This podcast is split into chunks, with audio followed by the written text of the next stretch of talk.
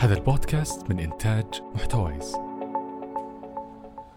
الحاجة بقى اللي الكل مستغرب ليها إن كيف أنا مصرية وبظبط كيف أنا مصرية وبظبط القهوة العربية؟ كله هيتجن. كيف مصرية وبتظبط القهوة العربية؟ الله يسعدك. مرة كثير بيقولوا لي غلبتي غلبت السعوديين في القهوة العربية. هل تساءلتم يوما عن عدد الأشخاص الذين نقابلهم لأول مرة كل يوم؟ وغالبا تكون تلك المرة الأخيرة. عن همومهم ومشاعرهم وما يتطلعون له اليوم أو في هذا الأسبوع أو هذه السنة أو في هذا العمر القصير الطويل. عن إنجازاتهم العظيمة التي لا يعرفها أحد. عن ما يقلقهم آخر الليل. وهل يرتدون ثوبهم المفضل اليوم أم لا؟ وكمية القصص التي يحملونها. حاولنا في هذا الموسم من بودكاست قصة أن نبحث عن هؤلاء الغرباء ونسمع قصصهم بعنوان مع الغرباء.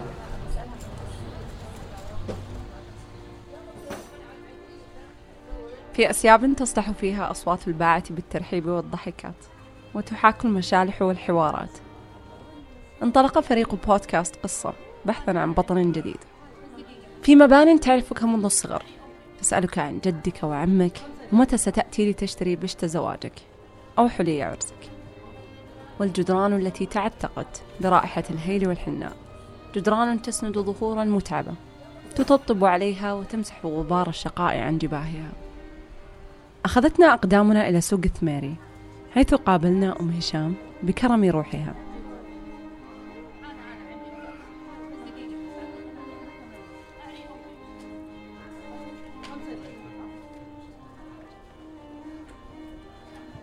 وفتحت قلبها لنا قبل بسطتها.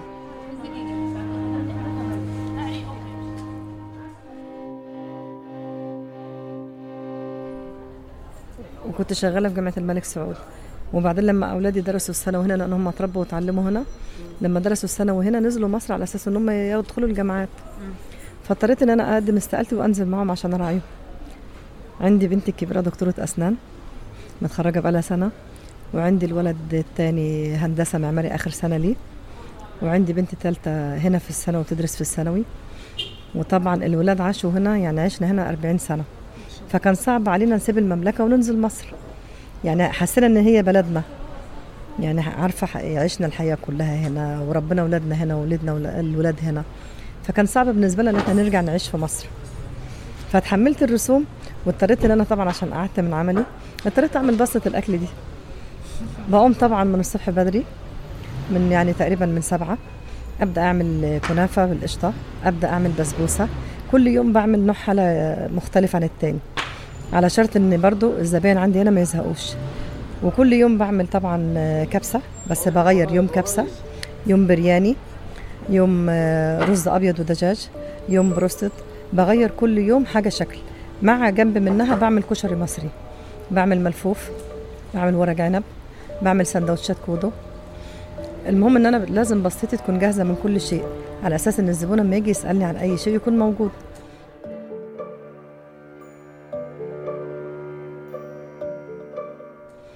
فطبعا في الأول قابلت صعوبه جامدة على إن أنا مغتربة.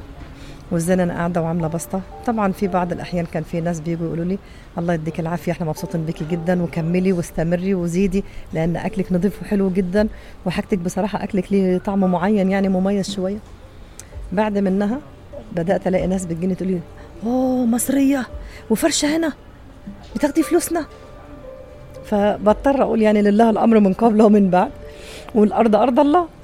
ما أقدرش أرد أكتر من كده. ليه؟ لأن مهما كان يعني إحنا آه مغتربين. بس بنسعى بقدر المستطاع إن إحنا اولا إحنا حافظنا على البلد يعني الحمد لله مشينا في في الحلال اللي هي الأخلاق الطفل يبقى مولود عارف يعني إيه أمه ويعني إيه أب ويعني إيه رعاية أمه ورعاية أب.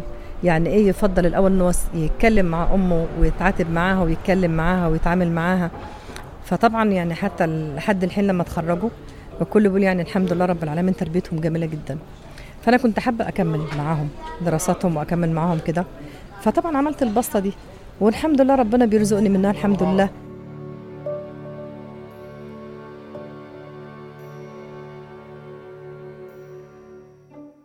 عليكم السلام ورحمة الله. يا هلا. الحمد لله ربنا بيرزقني منها ومبسوطة بيها جدا.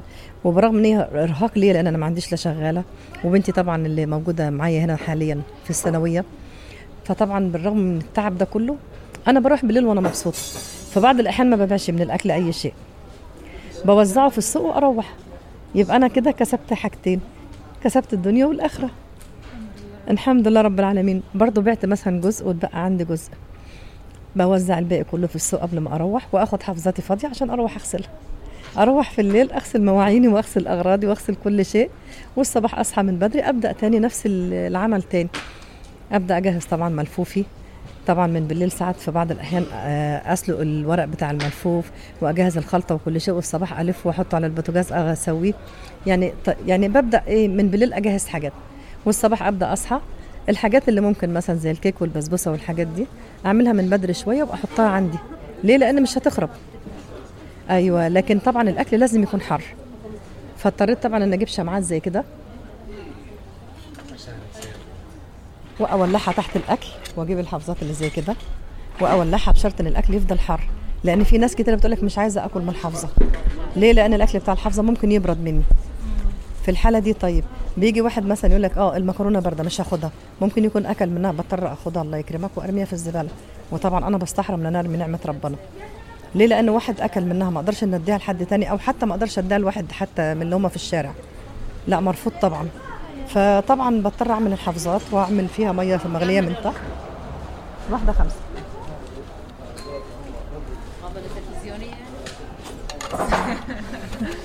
وأسخنها وطول ما أنا قاعدة أسخن الغاز بتاعها وأسخن وبعمل قهوة تركي وبعمل كابتشينو وبعمل شاي وبعمل نسكافيه وكركديه وينسون وبعمل خلطات بتعالج ال... بعمل خلطات بالكمون والليمون بتعالج المعدة والأمعاء. لا الواحدة بخمسة. ال... الواحدة بخمسة حبيبي ما ينفعش. طب كيف أخسر فيها؟ طيب.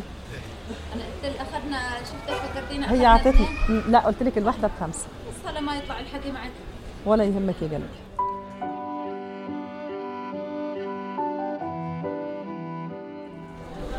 الأول كان في هجوم طبعا شديد بالنسبة للشغل.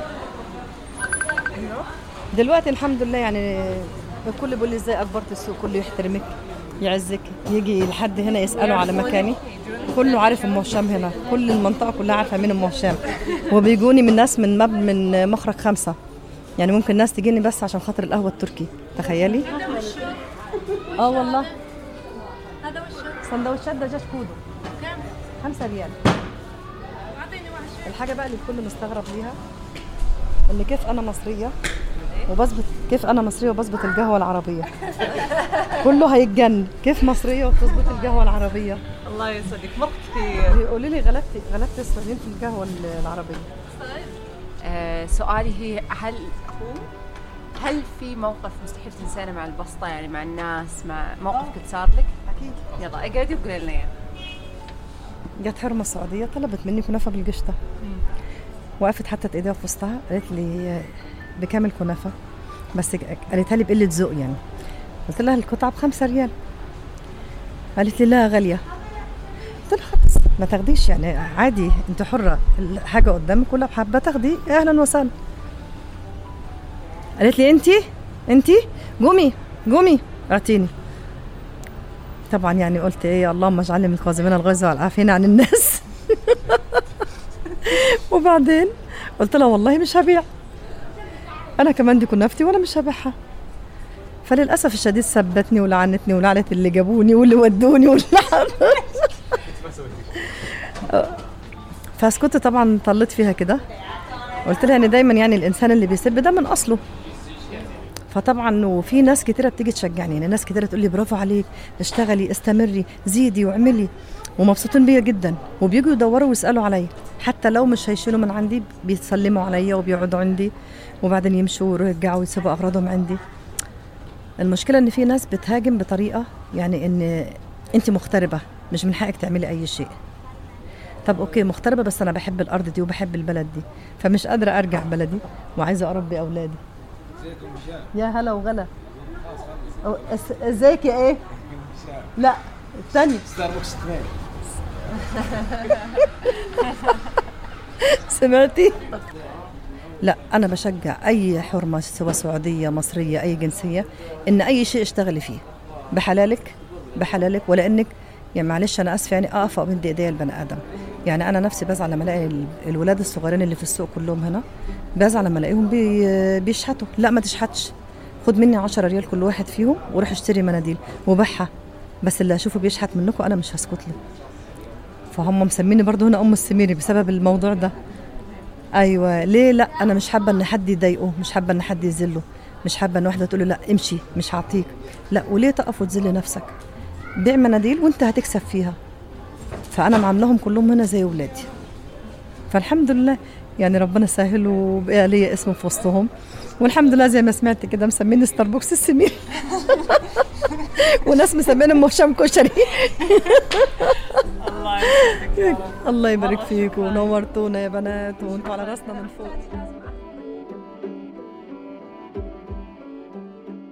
الحياة بحر واسع من الاحتمالات وهناك متسع للدهشة وكل منا قصة تستحق أن تروى. فهذه أم هشام الممرضة وصاحبة البسطة وقبل ذلك كله أم لا تتعب ولا تكل. ومثال صريح للمثابرة. فانظر في داخلك وفيما حولك. بحثا عن القصة التالية. فالقصة لا تموت القصة تحيا إلى الأبد.